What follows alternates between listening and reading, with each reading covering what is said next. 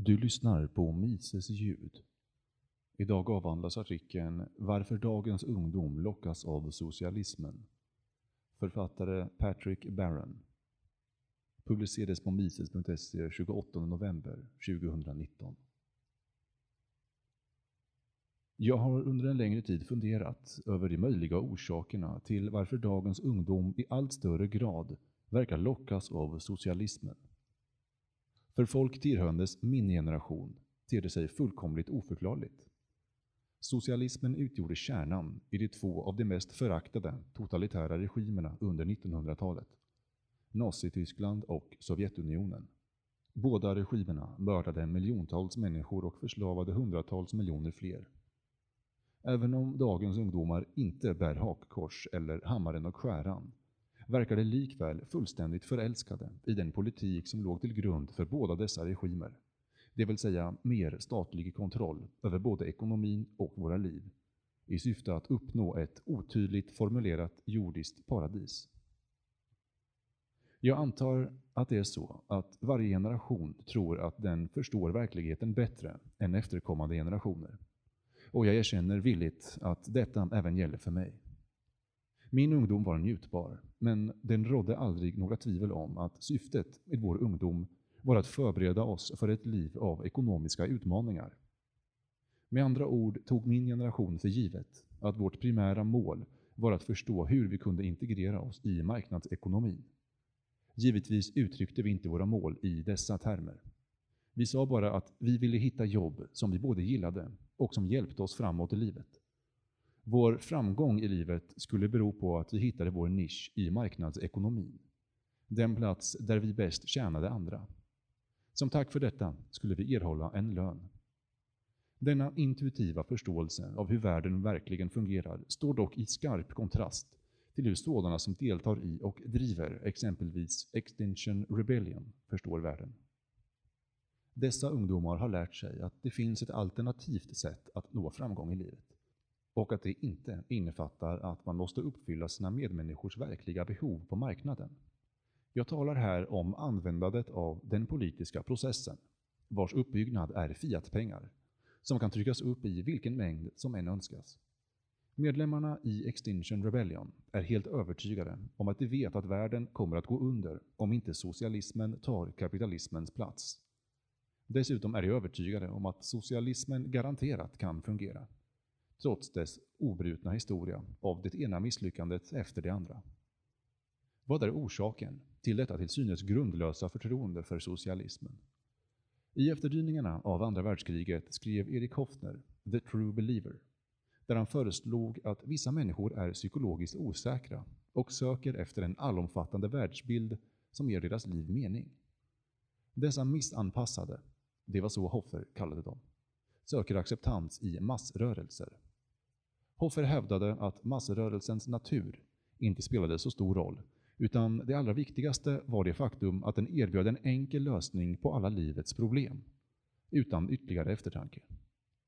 I intervjuer efter kriget sa nazistiska propagandister att kommunisterna var det som var allra enklast att konvertera till nazismen, eftersom man enbart ersatte en totalitär tro med en annan.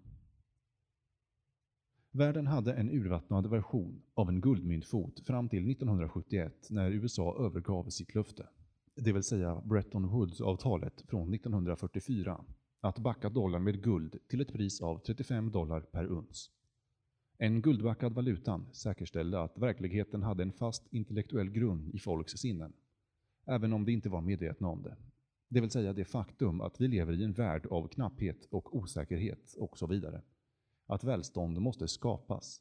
Välstånd kan inte skapas ur intet, precis som guld inte kan skapas ur intet. Fiatpengar däremot skapas ur intet och dessutom i enorma kvantiteter.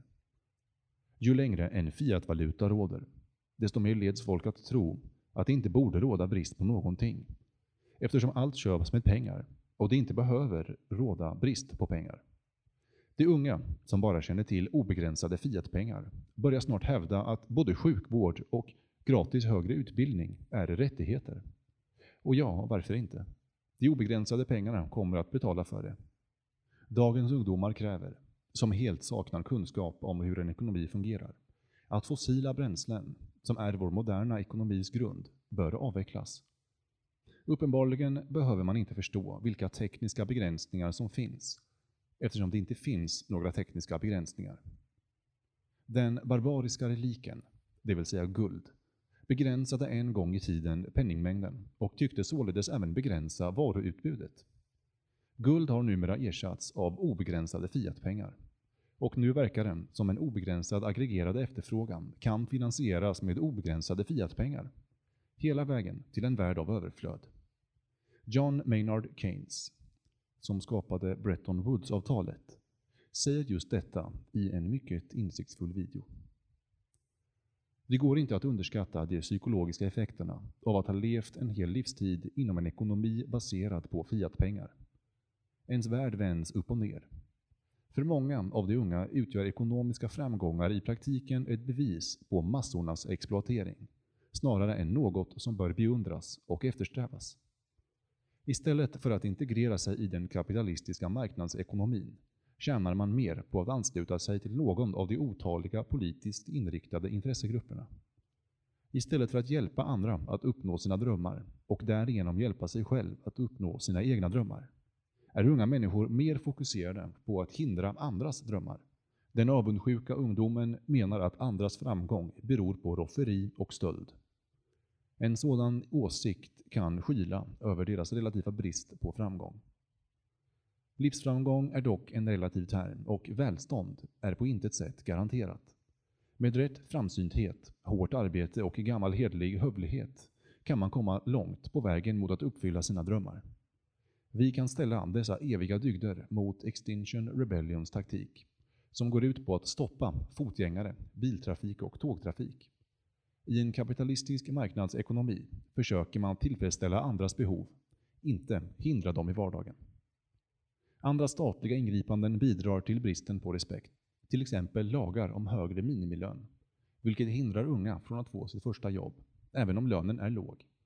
Ett jobb, oavsett vilket jobb som helst, lär oss väldigt mycket om vad som förväntas av oss på arbetsplatsen utöver att utföra de angivna uppgifterna. Exempelvis att dyka upp i tid, klä sig ordentligt, vara trevlig gentemot kunder och medarbetare. Villighet att hjälpa andra att utföra olika uppgifter, särskilt sådana som inte är roliga, och så vidare. Men inget är en match för fiatpengarnas förmåga att undergräva själva samhällsstrukturen.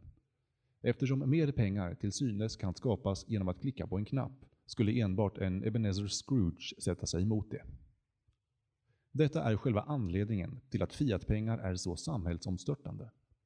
I en ekonomi baserad på sunda pengar kan nya utgiftsprogram enbart finansieras via en ökning av skatter, en ökad skuldsättning eller en minskning av den existerande finansieringen. Alla dessa alternativ kommer med en verklig kostnad att trycka pengar kommer också med en verklig kostnad, men kostnaden är dold. Felinvesteringen är inte skönjbar när pengarna trycks. Prisökningarna kommer senare och är ojämnt fördelade på grund av Cantillon-effekten, där de tidiga mottagarna av de nya pengarna kan köpa varor och tjänster till befintliga priser. Senare mottagare av pengarna, eller de som inte erhåller något alls, drabbas av högre priser och en minskning av sin levnadsstandard. Men inte ens då kopplar de flesta människor högre priser med den tidigare expansionen av penningmängden. Det skulle vara svårt att uppfinna en mer effektiv metod än detta för att förstöra det moderna samhället. Som Pogo sa, vi har mött fienden och han är oss. Three, two, one. And last Don't put your trust in politics